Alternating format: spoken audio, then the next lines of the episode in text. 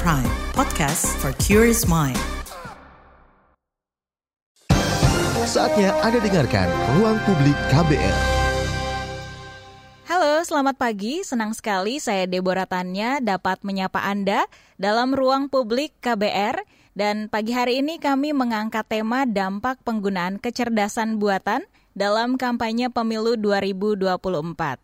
Baik, saudara yang namanya teknologi artificial intelligence atau yang biasa kita dengar AI, ini udah banyak digunakan untuk membantu pekerjaan manusia ya. Dan salah satunya adalah potensi penggunaan AI dalam kampanye menjelang pemilu 2024. AI sendiri ini punya kelebihan karena kemudahan dan keefektifannya. Tapi di sisi lain ada kekhawatiran AI membawa dampak negatif dalam kampanye pesta demokrasi lima tahunan itu.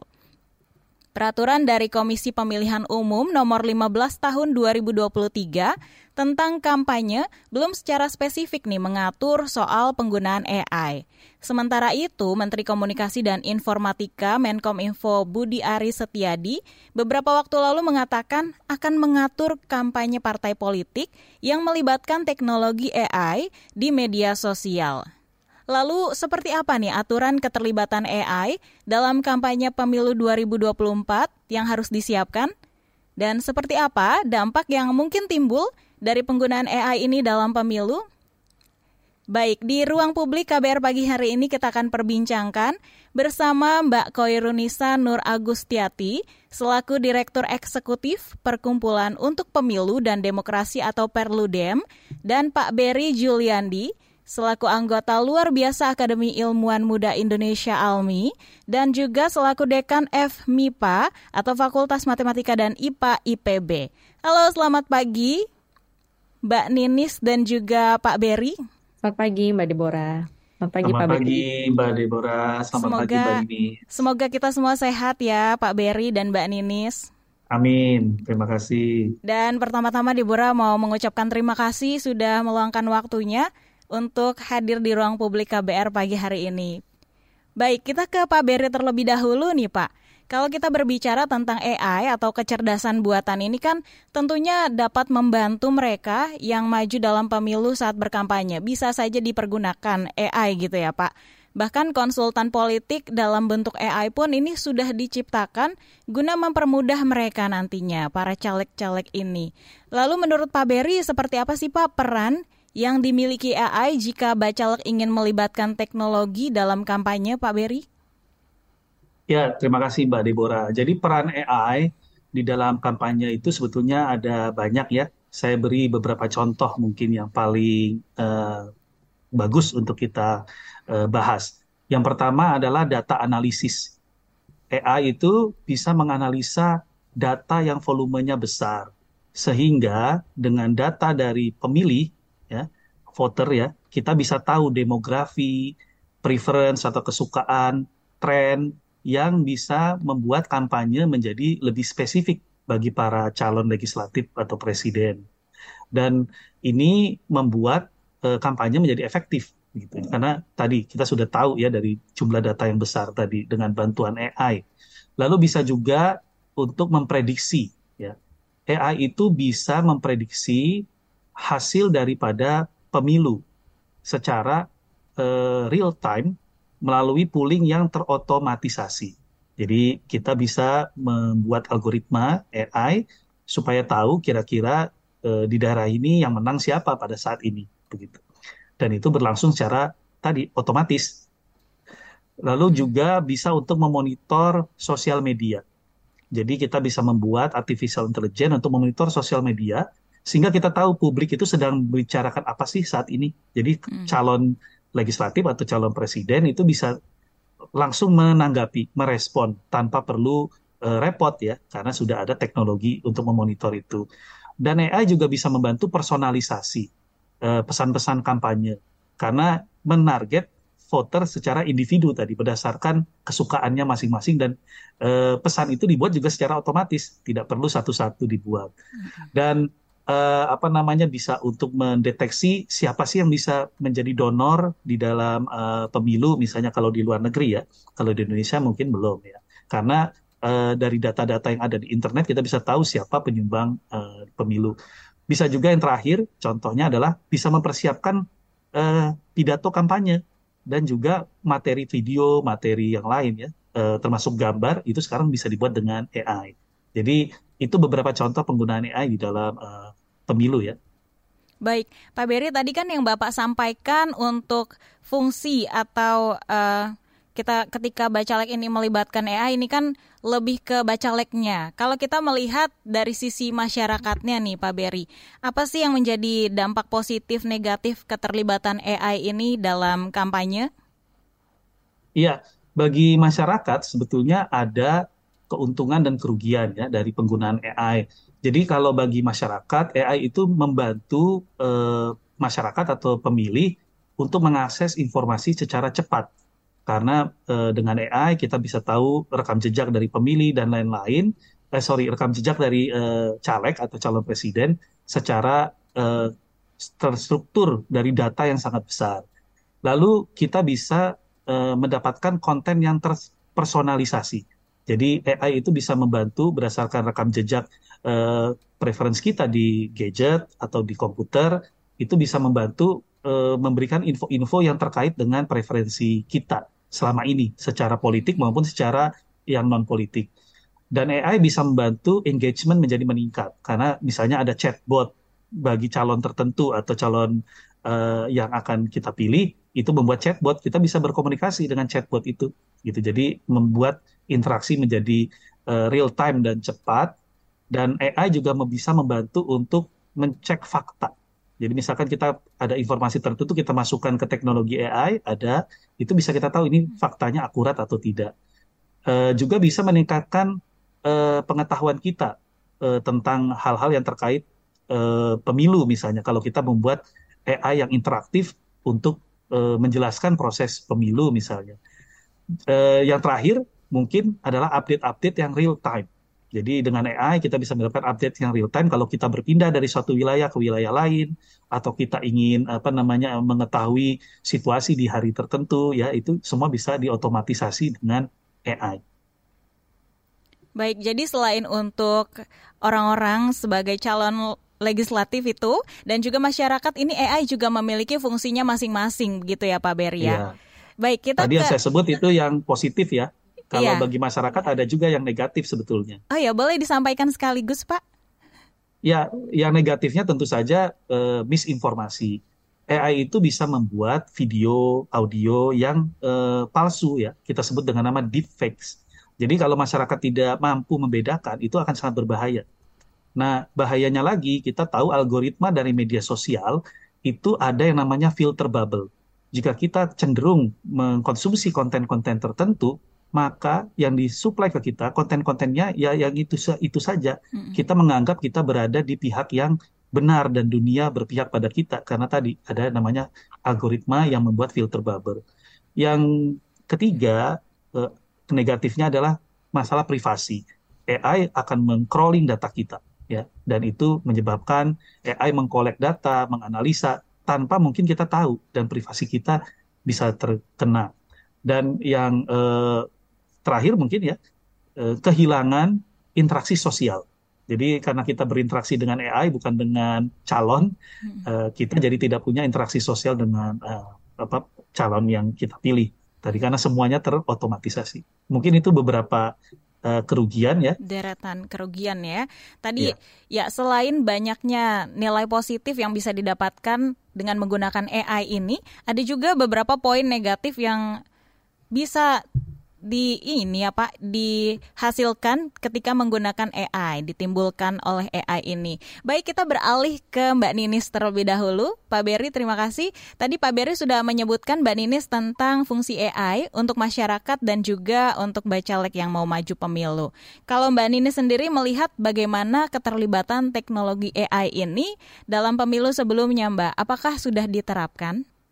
Ya, kalau dari uh, pemilu-pemilu sebelumnya ya, setidaknya mungkin 2014, 2019 sebetulnya sudah ada inisiatif dari publik ya, dari masyarakat untuk uh, menggunakan teknologi yang tujuannya untuk memudahkan kita sebagai pemilih mendapatkan informasi. Karena kalau bicara konteks pemilu di Indonesia, pemilu kita kan pemilu yang besar ya. Bukan hanya kita negara Indonesia, negara yang penduduknya lebih dari dari 200 juta, pemilihnya lebih dari uh, 200 uh, apa seratusan juta ya, ratusan juta pemilih kita. Dan dari sisi uh, pilihan sistem pemilu pun kita pemilunya cukup kompleks. Kita menggabungkan uh, lima jenis pemilu dalam satu hari yang sama menggunakan sistem pemilu proporsional terbuka yang nanti bukan hanya ada tanda gambar partai politik tapi juga ada nama calonnya sehingga pemilih itu kan membutuhkan informasi yang sangat banyak soal siapa nih kandidat yang harus dia pilih gitu dan teknologi bisa menjadi uh, tools ya untuk membantu uh, publik untuk mencermati siapa kandidat-kandidatnya. Di 2014 yang lalu misalnya ada dorongan kepada penyelenggara pemilu untuk uh, membuka datanya gitu ya. Jadi data-data pemilu misalnya data kandidat itu dibuka dengan format open data sehingga kemudian data ini bisa di apa ya di uh, diolah kembali gitu ya oleh para developer. Kemudian developer-developer ini uh, apa mengembangkan misalnya aplikasi-aplikasi yang memudahkan pemilih. Misalnya tadi yang seperti Pak Berry sebutkan Misalnya saya, saya tinggal di Jakarta Selatan gitu ya. Begitu kita buka aplikasinya, oh ketahuan nih caleg dari Jakarta Selatan tuh siapa saja gitu. Nah itu di pemilu-pemilunya sudah uh, sempat apa ya inisiatif itu muncul. 2019 pun juga demikian. Nah tapi pada waktu itu memang uh, yang dilakukan ya oleh masyarakat sipil, uh, developer-developer ini memang uh, mengambil datanya data dari uh, eh, KPU-nya gitu ya data data dari penyelenggara pemilu. Karena pada waktu itu kami melihat bahwa uh, data yang sebaiknya dipakai adalah data yang otoritatif dari sumber dari sumbernya gitu ya. Ya tentu data kalau kita uh, cari di internet akan banyak sekali data gitu. Tapi karena kita ingin mendapatkan data yang otoritatif memang data yang diserahkan kepada peserta itu kepada penyelenggara pemilu. Nah, itu yang kemudian bisa diolah kembali gitu ya. Nah, sehingga memang penggunaan uh, teknologi ini juga sangat membutuhkan komitmen dari penyelenggara pemilu ini untuk bisa uh, apa ya uh, membuka datanya secara transparan, bukan hanya sekedar datanya ada tapi ya sudah dalam format Eh, open data gitu ya yang sudah bisa dibaca dengan mesin sehingga bisa memudahkan kalau ada inisiatif-inisiatif masyarakat. Nah, ini yang kemudian juga apa ya kami melihatnya di beberapa pemilu belakangan ternyata uh, kalau kita bicara pemilu itu bukan hanya di apa ya yang antusias tuh bukan misalnya anak-anak sosial gitu tapi eh, mereka-mereka yang apa ya yang developer gitu ya tech community juga ternyata punya ketertarikan kalau uh, akses itu dibuka uh, apa kepada mereka karena banyak sekali yang bisa dikembangkan untuk uh, memberikan kemudahan kepada pemilih tadi. Baik, tadi Mbak Ninis membahas tentang inisiatif masyarakat untuk mengawasi uh, caleg-caleg ini, bahkan berjalannya pemilu. Seperti apa sih Mbak? Apakah inisiatif masyarakat untuk mengawasi ini bisa menggunakan AI juga? Jika iya, seperti apa bentuknya sejauh ini? Ya, kalau yang tadi saya sampaikan kan untuk mengenal ya, mengenal mendapatkan informasi gitu ya. Ya, ada juga beberapa waktu lalu misalnya bikin games pemilu gitu. Nah, untuk mengawasi misalnya melaporkan uh, apa ya, misalnya ada temuan gitu ya, politik uang misalnya uh, apa kita juga bisa mengembangkan dengan uh, teknologi ini gitu ya karena ada situasi di masyarakat di mana mungkin kalau mereka lapor langsung ke Bawaslu uh, kesulitan gitu ya. Uh, misalnya karena kalau melaporkan ke Bawaslu itu kan harus disertai kronologis, harus disertai bukti dan sebagainya dan mungkin ada kekhawatiran juga kalau lapor tuh akan diintimidasi balik gitu. Nah, beberapa pemilu sebelumnya itu ada juga yang mengembangkan kayak aplikasi lapor gitu ya. Jadi hmm. publik bisa melalui aplikasi itu, misalnya waktu itu ada mata masa gitu ya, Bawaslu sendiri punya uh, Gowaslu gitu ya, yang bisa lapornya melalui aplikasi itu sehingga masyarakat bisa lebih mudah kalau menemukan uh, apa adanya pelanggaran. Nah ini kan juga apa ya harapannya bisa mendorong partisipasi masyarakat ya kalau kita bicara partisipasi masyarakat kan bukan sekedar hari H datang ke TPS gitu, tapi juga sebelum hari H, bahkan setelahnya partisipasi itu juga dibutuhkan. Baik, tadi juga Mbak Ninis menyebutkan bahwa ada juga aplikasi-aplikasi ya yang dibuat untuk bisa mengawasi dan bisa melindungi masyarakat juga ketika mereka memilih calon-calon pemimpin di di lima tahun ke depan. Baik uh, Pak Berry dan Mbak Ninis kita harus jeda iklan terlebih dahulu. Kami akan segera kembali. Masih Anda dengarkan Ruang Publik KBR. Commercial break. Commercial break. Lu nyari apa sih? Sibuk amat dari tadi. Duit gue nih hilang, padahal udah dimasukin dompet. Ada tuyul kali ya? Hus, jangan asal lo ya. Eh, bukannya tadi lo jajan kopi, ikut PO seblak, sama nitip gorengan ya? Hah? Masa? Kok bisa nggak sadar ya? Bocor alus tuh, lo kudu disiplin keuangan makanya. Dengerin deh Uang Bicara, podcast dari KBR Pram yang ngebahas soal ekonomi dan literasi keuangan Cocok banget buat anak muda kayak kita. Nah, sama nih kayak dengan self reward. Lo dengerin di mana? Di kbrprime.id. Oke deh, gue dengerin. Tapi jajan kopi sore ini gue pinjam lo dulu ya. Astaga. Uang bicara, menavigasi kamu supaya tetap cuan dari KBR Prime. Masih Anda dengarkan Ruang Publik KBR. Anda masih mendengarkan Ruang Publik KBR bersama saya Deborah Tanya dan kita masih berbincang tentang tema dampak penggunaan kecerdasan buatan dalam kampanye pemilu 2024. Dan pagi hari ini juga kita masih bersama dengan Mbak Koirunisa dari Perludem dan Pak Berry dari Almi. Tadi kita sudah membahas di segmen pertama dengan Mbak Ninis dan Pak Berit tentang apa sih yang bisa dimanfaatkan dari AI ini dan siapa saja yang bisa menggunakan AI. Nah sekarang kita ke Mbak Ninis lagi. Untuk Mbak Ninis dalam pengamatan Mbak Ninis sendiri sejauh ini seperti apa minat bacalek dalam menggunakan AI untuk kepentingan kampanye mereka nantinya? Iya, uh, kalau uh, saya melihat ya bahwa para uh, bacalek ini memang semakin ke sini semakin menggunakan uh, teknologi ya, karena tadi uh, di satu sisi kan memang ini memberikan kemudahan ya, uh, apa ya, tidak perlu hadir langsung gitu ya, misalnya ya ke dapilnya gitu ya. Dengan teknologi uh, apa itu bisa menjadi lebih mudah, lebih efisien, lebih murah juga uh, digunakan oleh uh, para calon-calon uh, ini ya untuk berinteraksi dengan uh, konstituen yang ada di daerah pemilihannya. Nah, tapi memang kalau saya melihat uh, penggunaannya mungkin yang sekarang lebih banyak digunakan ya tadi itu ya masih dari sisi itunya. Tadi misalnya Pak Beri menyampaikan bahwa dengan AI ini sebetulnya banyak sekali yang bisa digunakan misalnya untuk mengetahui uh, data gitu ya, misalnya data kemiskinan, data pendidikan, data ekonomi. Nah, ini kan sebetulnya sesuatu yang bisa dimanfaatkan juga oleh para uh, kandidat peserta pemilu ini untuk tahu mengetahui sebetulnya kondisi di dapilnya ini seperti apa sih gitu. Nah, ini mungkin yang sekarang baru muncul sebetulnya ya Mbak. Karena kalau saya ngelihat 2014 2019 uh, tadi lebih kepada interaksinya gitu ya penggunaan teknologi ini. Tapi sekarang saya saya melihat bahwa muncul uh, sudah mulai muncul platform-platform uh, eh, AI gitu ya yang bisa digunakan oleh para calon tadi untuk mengetahui sebetulnya basis daerahnya itu kondisinya seperti apa.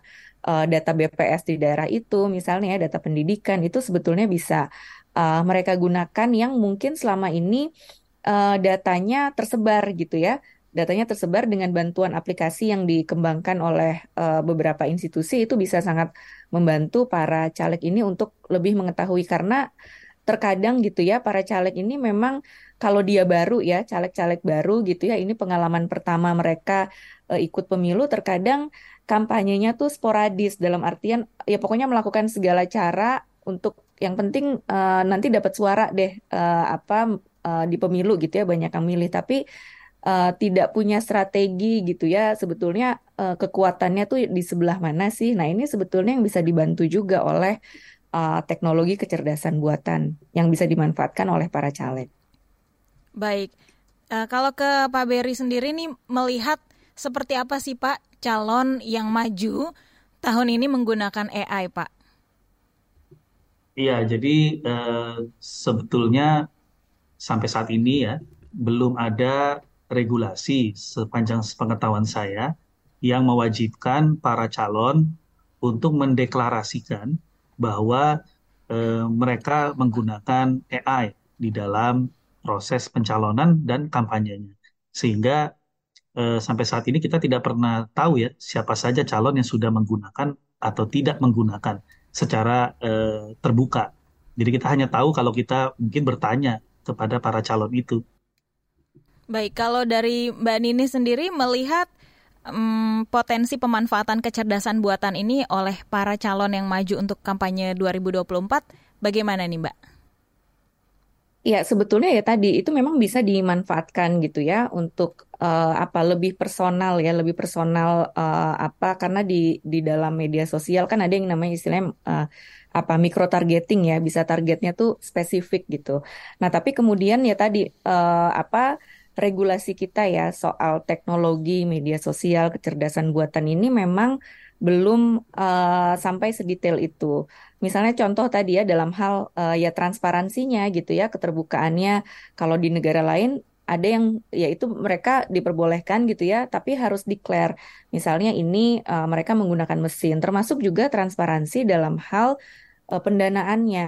Nah, selama ini kalau kita lihat di laporan dana kampanye, laporan dana kampanye kita kan sifatnya apa ya, hanya general ya, secara umum gitu. Misalnya uh, jasa uh, jasa pengeluarannya 100 juta. Tapi tidak dijelaskan jasa 100 juta ini untuk apa. Apakah tadi menggunakan uh, konsultan uh, teknologi kah menggunakan konsultan uh, media sosial kah gitu ya. Nah itu yang kita masih punya PR sebetulnya di di situ ya di soal transparansinya gitu transparansi penggunaan teknologi ini dalam pemilu. Karena yang diatur dalam uh, regulasi pemilu ya misalnya kalau di undang-undang pemilu itu misalnya penggunaan media sosial itu hanya disebutkan ya media sosial bisa digunakan sebagai salah satu sarana kampanye. Lalu kemudian KPU menurunkan dengan peraturan KPU ya PKPU itu mengatur media sosial hanya uh, yang sifatnya membatasi uh, maksimal jumlah akun. Jadi uh, apa para peserta pemilu ini maksimal hanya boleh punya uh, maksimal 20 akun di masing-masing platform media sosial gitu ya. Jadi misalnya di Twitter 20, Instagram 20, TikTok 20 dan lain sebagainya. Nah, tapi padahal kita tahu uh, apa ya tadi kalau kita bicara soal uh, resikonya gitu ya, uh, kekurangannya Uh, masalahnya kan bukan pada banyaknya jumlah akun sebetulnya permasalahan yang nanti ke depan akan dihadapi karena jumlah akun karena akun resmi pun tidak akan menyebarkan disinformasi tadi kan. Sebetulnya permasalahannya kan ada di konten misalnya ya eh, narasi-narasi negatif, propaganda dan sebagainya yang itu kita belum punya tadi gitu loh. Eh, soal transparansinya misalnya seorang uh, peserta pemilu meng-hire apa ya influencer kah, buzzers kah untuk menyebarkan narasi atau propaganda. Nah, itu kita belum sampai ke sana regulasinya karena memang tidak apa ya, tidak ada keharusan bagi para peserta pemilu ini untuk uh, apa declare gitu ya uh, apakah ini uangnya apakah menggunakan mesin seperti tadi itu memang belum ada. Baik, terkait aturan soal maaf penggunaan AI ini saat kampanye tadi kan sudah dijelaskan juga oleh Mbak Ninis ya.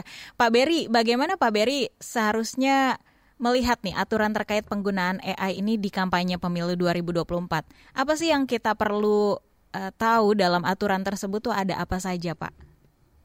Ya, jadi ada beberapa hal ya yang mungkin perlu dibuat terkait aturan penggunaan AI. Yang pertama itu tentang transparansi. Tadi Mbak Ninis sudah sampaikan. Jadi sebenarnya semua calon itu harusnya diwajibkan untuk mendeklarasikan apakah dia menggunakan AI. Dan jika dia menggunakan AI, kapan dia menggunakan dan untuk apa. Nah, itu perlu dideklarasikan sehingga kita pemilih tahu ya eh, bagaimana setiap calon Eh, menggunakan AI tersebut. Yang kedua, kita perlu peraturan dari negara kita yang memastikan bahwa data pemilih itu digunakan secara benar karena ada data privacy protection namanya. Jadi, kalaupun kita berkontribusi di dalam uh, penyetoran data, itu kita tahu bahwa data kita dipakai. Jadi, misalnya HP kita itu ada lokasi, ada preferensi dari yang kita baca di Google atau di Facebook atau di Instagram itu kita tidak pernah tahu kapan itu dipakai. Nah, itu yang perlu diproteksi. Jika ada pemakaian, kita harus tahu kapan dipakainya dan apakah kita memperbolehkan pemakaian itu. Nah, yang ketiga ini lebih eh, apa lebih teknis ya. Kita harus membuat aturan bagaimana algoritma dari AI itu. Karena yang membuat algoritma inilah yang berperan eh, bagaimana AI itu bekerja. Karena pembuat algoritma bisa membuat diskriminasi secara eh, apa sengaja untuk membuat hasil daripada AI itu menjadi bias begitu. Atau bukan algoritmanya, bisa jadi eh, dari eh, training datanya. Jadi kalau kita pakai training data yang salah pun AI akan memberikan jawaban yang salah. Nah, itu perlu diatur. Tidak semua orang bisa membuat uh, startup atau membuat perusahaan teknologi yang membuat AI tanpa mengerti bagaimana mengontrol algoritma dan bagaimana mentraining atau menggunakan data untuk training. Lalu juga harus ada pihak ketiga yang mengaudit. Nah, ini sangat penting. Harus ada pihak independen, organisasi independen, negara harus menyediakan organisasi itu untuk eh, mengaudit kampanye-kampanye yang menggunakan AI. Apakah sudah sesuai dengan aturan? Dan tadi Mbak Nini juga sudah sampaikan, harus ada disclosure finansial. Apakah ada uang yang digunakan untuk menggunakan service atau teknologi AI? Dan terakhir, mungkin ada uh, ada apa namanya uh, guideline etik, ya etika terkait penggunaan AI supaya tidak uh, merugikan masyarakat.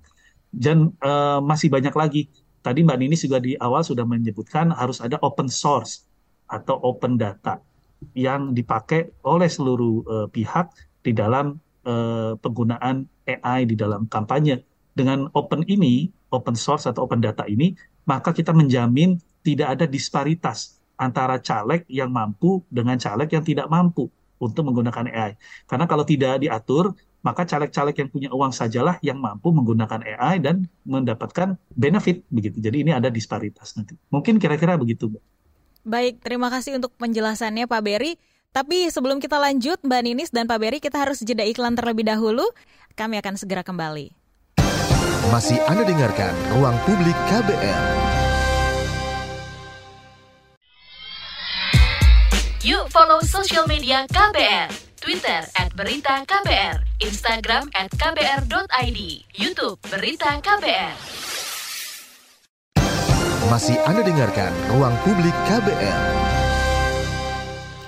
Ya, masih bersama saya Deborah Tanya dalam Ruang Publik KBR dan kita masih membahas tema dampak penggunaan kecerdasan buatan dalam kampanye pemilu 2024 bersama Pak Beri dan juga Mbak Ninis. Tadi Mbak Ninis juga kan sudah menyampaikan ya bahwa pemakaian AI dalam pemilu ini belum ada aturannya. Tapi Pak Beri juga menyampaikan beberapa masukan tadi yang harus ada di dalam aturan dan salah satunya ini tentang disparitas kemampuan calon yang maju pemilu dalam mengakses AI. Kalau dari Mbak Nini sendiri melihat soal sumber daya para calon mengakses AI ini seperti apa, Mbak? Ya, kalau kita bicara uh, sumber daya para calon ya memang beragam ya Mbak uh, apa calon-calon ini. Tapi kalau uh, kita refleksikan ya di pemilu sebelumnya uh, mereka yang terpilih ini adalah memang mereka-mereka yang kalau kita misalnya ngelihat ya, mengelihat dari uh, laporan dana kampanye, mereka yang semakin besar pengeluaran dana kampanyenya memang potensi kemenangannya semakin besar gitu. Jadi uh, apa mungkin kita bisa apa ya uh, berasumsi bahwa kalau memang mereka punya sumber daya yang besar untuk memanfaatkan teknologi ini, ya mungkin mereka yang kemudian uh, lebih punya akses terhadap penggunaan kecerdasan buatan ini untuk berkampanye dalam pemilu gitu. Karena artinya mereka punya sumber dayanya gitu ya finansial kah jejaring kah uh, bisa meng-hire apa ya uh, ahli teknologi kah gitu. Itu mereka bisa lakukan kalau sumber daya mereka besar. Nah, di sisi yang lain memang ada juga uh, para calon-calon yang terbatas finansialnya. Sehingga yang mereka uh, utamakan gitu ya yang mereka tonjolkan dalam kampanyenya adalah misalnya dengan datang langsung ke uh, grassrootsnya gitu ya hadir secara langsung uh, apa bertemu dengan mereka gitu ya ya ada juga yang modelnya seperti itu gitu. Jadi memang sangat beragam kalau kita lihat. Walaupun memang trennya semakin ke sini misalnya uh, apa calon-calon yang punya latar belakang sebagai pengusaha gitu ya, bisnismen uh, itu semakin ke sini memang semakin uh, meningkat ya rasanya jumlahnya eh, calon-calon yang punya sumber daya finansial besar ini untuk uh, maju ya uh, dalam ke pemilu ini. Baik, kita menuju ke WhatsApp dulu yang sudah masuk di nomor kami. Ada Mas Wahyu dari Depok bertanya apakah kalau kita tidak terlibat dalam interaksi di media sosial kita tetap bisa terpengaruh AI ini? Apakah AI ini hanya lewat media sosial? Dan uh, juga ada pertanyaan dari Johan di Manado. Ini untuk Pak Berry ya, Pak kita belum ada perlindungan untuk data pribadi kita. Mungkinkah pemilu nanti data kita disalahgunakan? Jika ya, bentuknya seperti apa? Apakah ini bisa dicegah? Ini untuk Pak Berry dulu pertanyaannya. Silahkan Pak.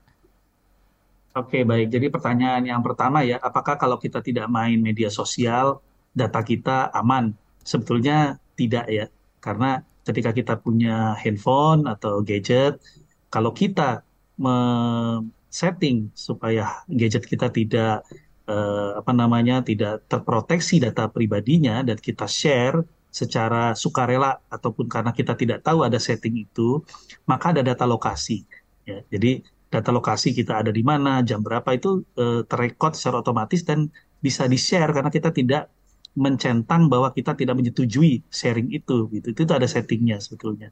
Lalu juga kalau kita belanja di platform-platform uh, e-commerce ya, itu pun ada datanya walaupun kita tidak main media sosial apa yang kita beli, apa yang kita masukkan ke keranjang ya, itu semua ada datanya dan itu bisa di-share kalau kita tidak men-setting supaya itu tidak boleh di-share gitu. Jadi sebetulnya bukan hanya lewat media sosial gitu. Nah, pertanyaan kita ini bagaimana uh, apa namanya proteksi uh, data kita di dalam kampanye?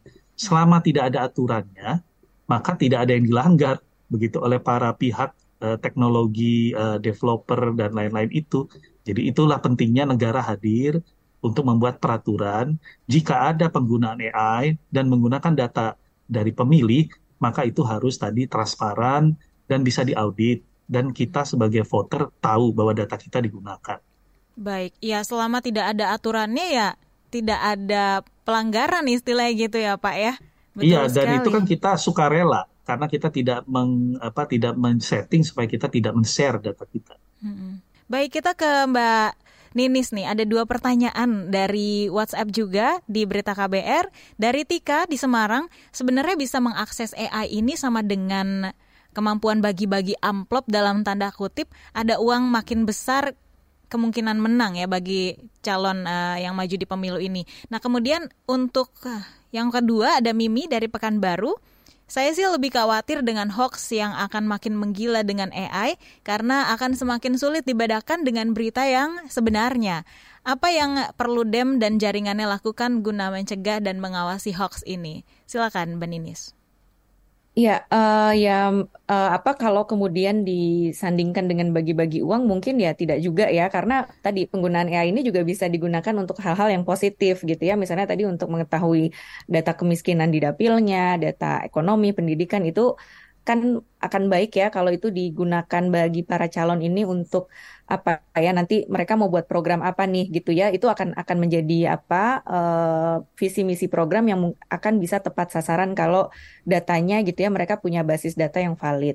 Tapi ya tadi memang untuk bisa mengakses uh, apa ya penggunaan teknologinya memang ya dibutuhkan sumber daya gitu ya karena beberapa platform penyedia uh, eh, AI ini ya memang kalau mau menggunakan AI-nya ya memang harus berlangganan, harus berbayar gitu ya. Artinya kan ada cost yang harus dikeluarkan para caleg untuk mem memanfaatkan teknologi ini. Nah, yang berikutnya tadi soal hoax ya. Nah, memang kalau kita bicara soal penyebaran disinformasi dalam pemilu ini kan ya ada trennya gitu ya. Kalau dulu mungkin uh, apa dalam bentuk kata-kata, uh, kata -kata, kalimat, foto gitu ya, tapi kan sekarang sudah trennya tuh sudah video gitu ya. Ada yang tadi Pak Berry sampaikan bisa deepfake.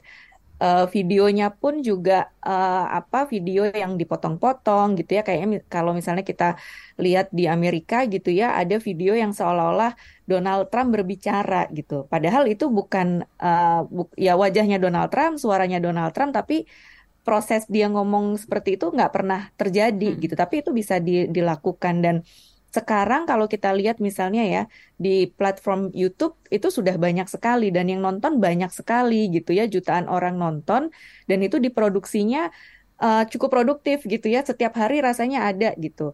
Nah kita bisa bayangkan ya kalau yang kalau sebenarnya mungkin kalau kita lihat dengan telisik gitu ah ini kayaknya nggak mungkin asli deh karena misalnya nggak halus gitu ya misalnya mukanya ke mana tangannya ke mana gitu tapi orang yang percaya ada gitu. Nah, apalagi kalau teknologinya semakin ba apa semakin maju gitu ya dan video itu semakin halus kan bisa uh, apa mengecoh pemilih gitu. Pemilih ini bisa jadi dapat informasi yang yang kacau. Nah, ini yang tadi kita uh, mengantisipasinya mau seperti apa. Bicara soal regulasi tadi um, yang diatur itu biasanya yang hanya masa kampanye. Nah, sementara masa kampanyenya ini belum mulai. Kampanye baru akan dimulai akhir bulan November tanggal 28. Nah, sementara itu kan sudah tersebar sejak tahun lalu bahkan. Tapi kalau ketika kita mau melaporkan uh, apa ke Bawaslu gitu misalnya Bawaslu akan bilang oh ini belum masuk masa kampanye jadi nggak bisa diapa-apain gitu ya tadi hmm. akhirnya ya uh, jadi jadi liar nah ini yang memang perlu diantisipasi nah dengan uh, regulasi kita yang masih minim gitu ya lalu juga uh, apa tadi terbentur uh, masa kampanye yang sebetulnya baru akan dimulai di akhir November nanti. Akhirnya kan kalau dari masyarakat sipil sendiri mendorong bagaimana uh, apa ya ekosistem digital kita ya semakin uh, lebih demokratis lah ya. Gimana pemilih tuh bisa uh, mendorong pemilih bisa mendeteksi gitu ya membuat ketahanan pemilih lah untuk tidak apa ya gampang terkecoh. Dan ini memang tidak bisa sendirian ya perlu apa ya multi stakeholder ada kita punya organisasi cek fakta misalnya ya. Di Indonesia ada organisasi cek fakta yang bisa membantu hmm. mengecek gitu ya.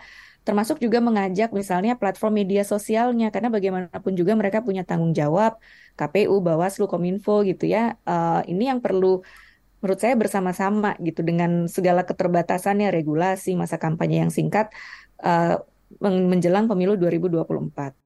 Ya, terkait dengan penyebaran hoax ini, Pak Berry dan juga Mbak Ninis, apakah kita melihat masyarakat Indonesia tahun ini lebih baik literasinya, literasi digital khususnya ya, ketimbang di lima tahun lalu? Apalagi kita tahu komposisi masyarakat saat ini sebagian besar kan orang muda atau anak muda yang melek politik. Boleh ditanggapi oleh Pak Berry terlebih dahulu?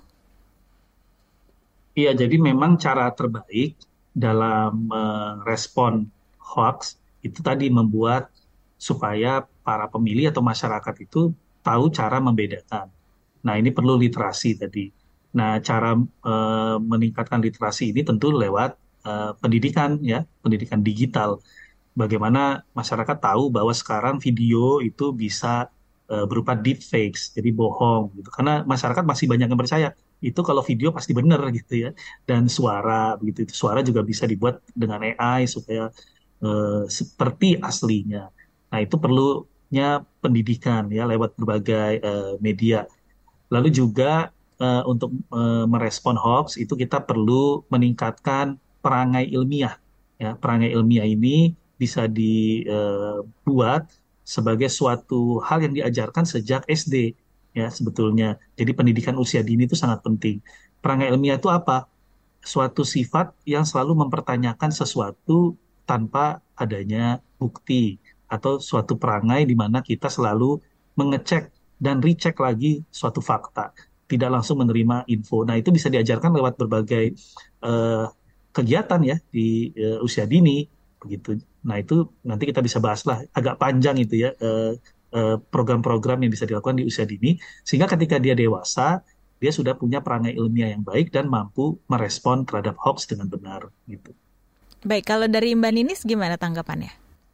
Ya, kalau kita bicara soal hoax pemilu kan sebetulnya uh, apa ya yang biasanya muncul nih sudah ada polanya gitu ya. Bahwa hoax-hoax ini memang uh, munculnya saat pemilu aja misalnya soal ada surat suara yang sudah dicoblos gitu ya.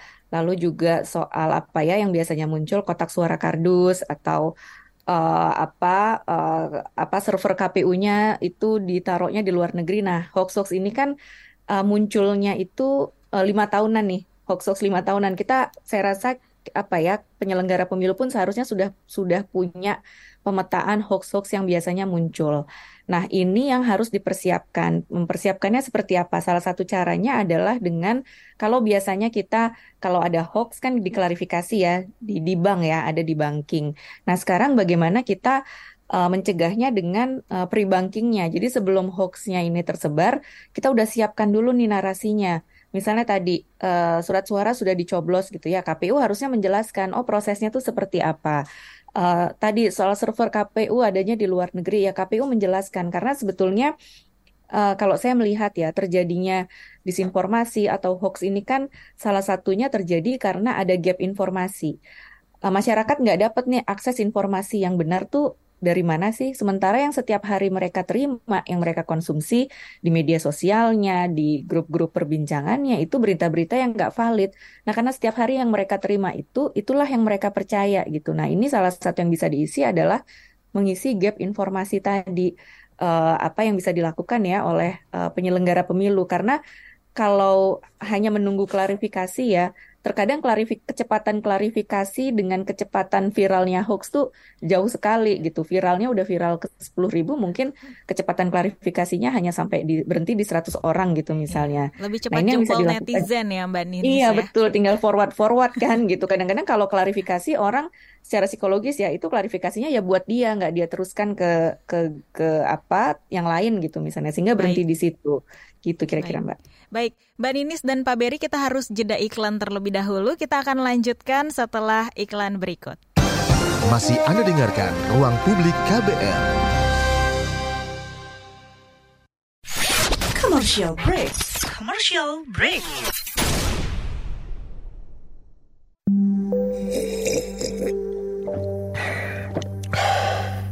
Yakin, cukup teh doang. KBR sore, siap menjadi teman sore hari kamu, biar kamu gak kesepian. Dapatkan rangkuman perkembangan berita terpenting di sore hari dari bidang politik, ekonomi, sosial, budaya, dan olahraga dari dalam dan luar negeri. Simak KBR Sore setiap hari Senin sampai Jumat mulai pukul 16 di radio jaringan KBR seluruh Indonesia dan di kbrprime.id search KBR Sore. Masih Anda dengarkan Ruang Publik KBR. Saudara kita sampai di bagian akhir ruang publik KBR. Masih bersama saya Deborah Tanya dan kita masih membahas soal dampak penggunaan kecerdasan buatan dalam kampanye pemilu 2024.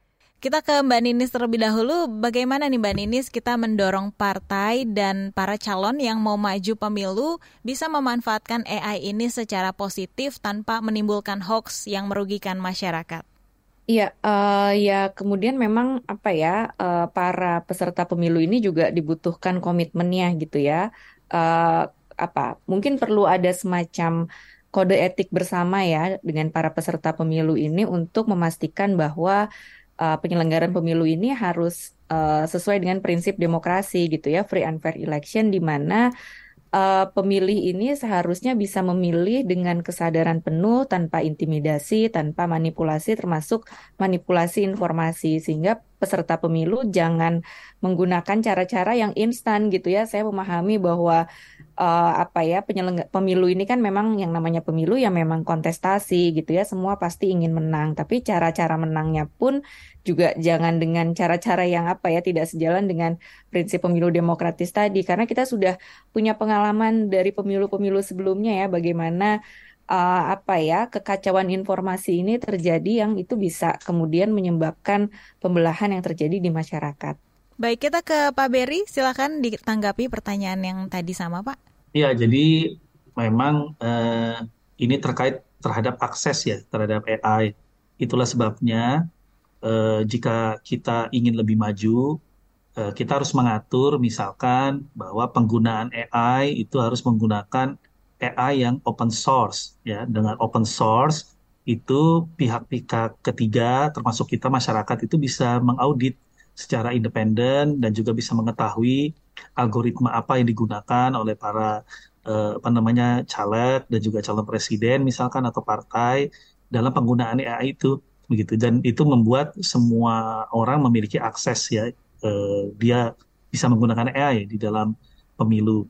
Dan eh, yang selanjutnya adalah kita tadi perlu uh, regulasi sebetulnya. Yang jelas bagaimana penggunaan AI terutama dalam hal uh, transparansi, penggunaan data pribadi dan juga hal-hal lain yang tadi sudah saya sampaikan.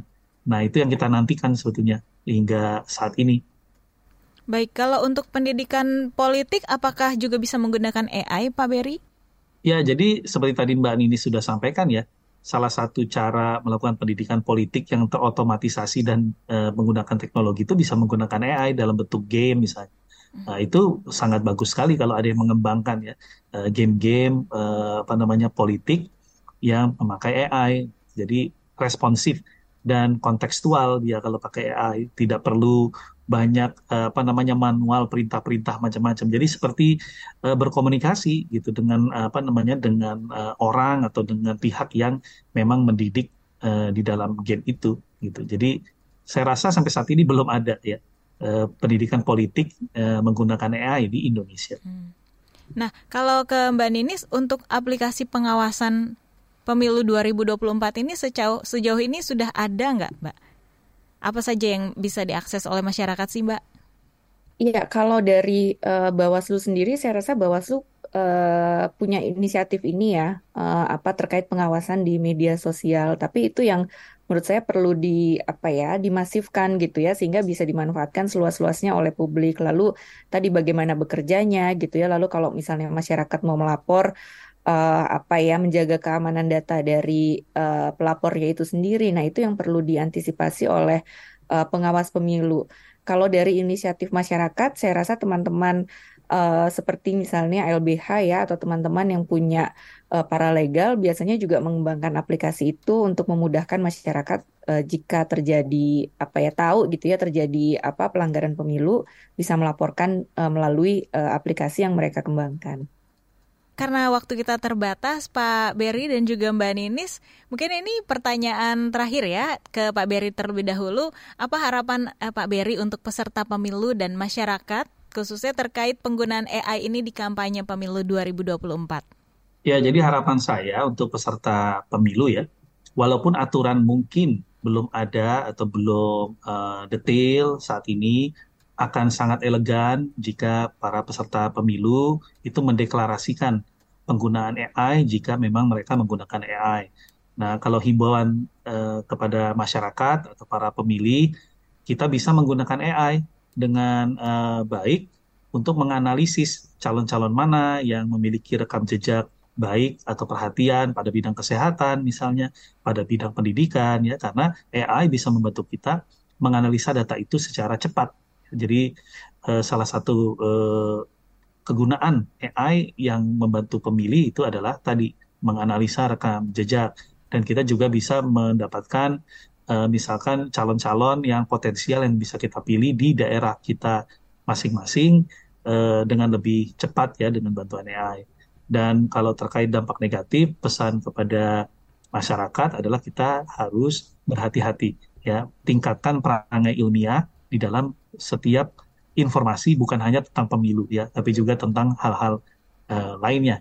Dan walaupun tidak ditanya, tapi juga saya menghimbau pemerintah ya, yang pihak-pihak terkait untuk segera melakukan diskusi dan uh, menetapkan aturan-aturan yang mungkin walaupun uh, sederhana, tapi pelan-pelan kita mulai susun untuk mengatur pemilu bukan hanya untuk saat ini, tapi untuk di masa yang akan datang, terutama dengan derasnya arus teknologi termasuk AI di dalam uh, pemilu. Baik, kita lanjut ke Mbak Nini, silahkan Mbak. Iya, uh, memang penggunaan teknologi dalam pemilu uh, ya tidak apa ya sebuah keniscayaan ya seiring dengan perkembangan zaman ya tentu ada uh, sisi positifnya tadi kita bisa lebih apa ya mendapatkan informasi gitu ya bukan hanya pemilih tapi para uh, apa kandidat ini bisa dengan mudah ya uh, apa uh, mendapatkan informasi tentang daerah pemilihannya misalnya bisa berinteraksi dan lain sebagainya. Tapi memang di sisi yang lain ya ada juga faktor-faktor resikonya gitu ya yang kemudian bisa uh, sangat apa ya uh, berdampak pada penyelenggaraan pemilu karena yang namanya penyelenggaraan pemilu kan sebetulnya uh, harapannya baik itu dari sisi proses dan hasilnya mendapatkan kepercayaan publik.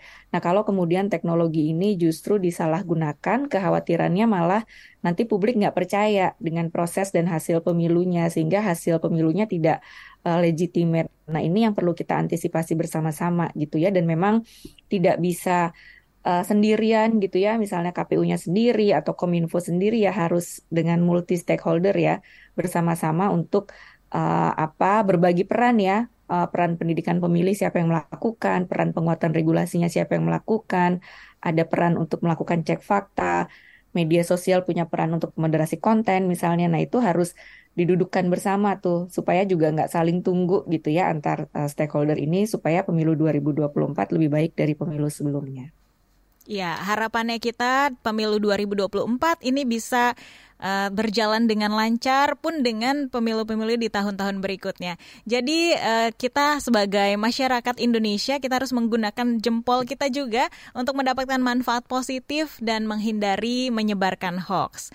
Baik, terima kasih untuk Pak Berry Juliandi selaku Dekan FMIPA IPB dan anggota luar biasa Akademi Ilmuwan Muda Indonesia ALMI, serta Mbak Koirunisa Nur Agustiati, selaku Direktur Eksekutif Perkumpulan untuk Pemilu dan Demokrasi atau Perludem. Terima kasih untuk waktunya pagi hari ini sudah bergabung bersama Ruang Publik KBR.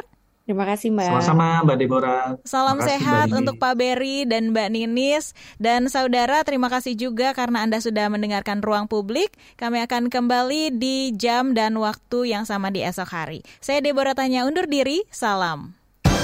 Baru saja Anda dengarkan Ruang Publik KBR. KBR Prime, cara asik mendengar berita. KBR Prime, podcast for curious mind.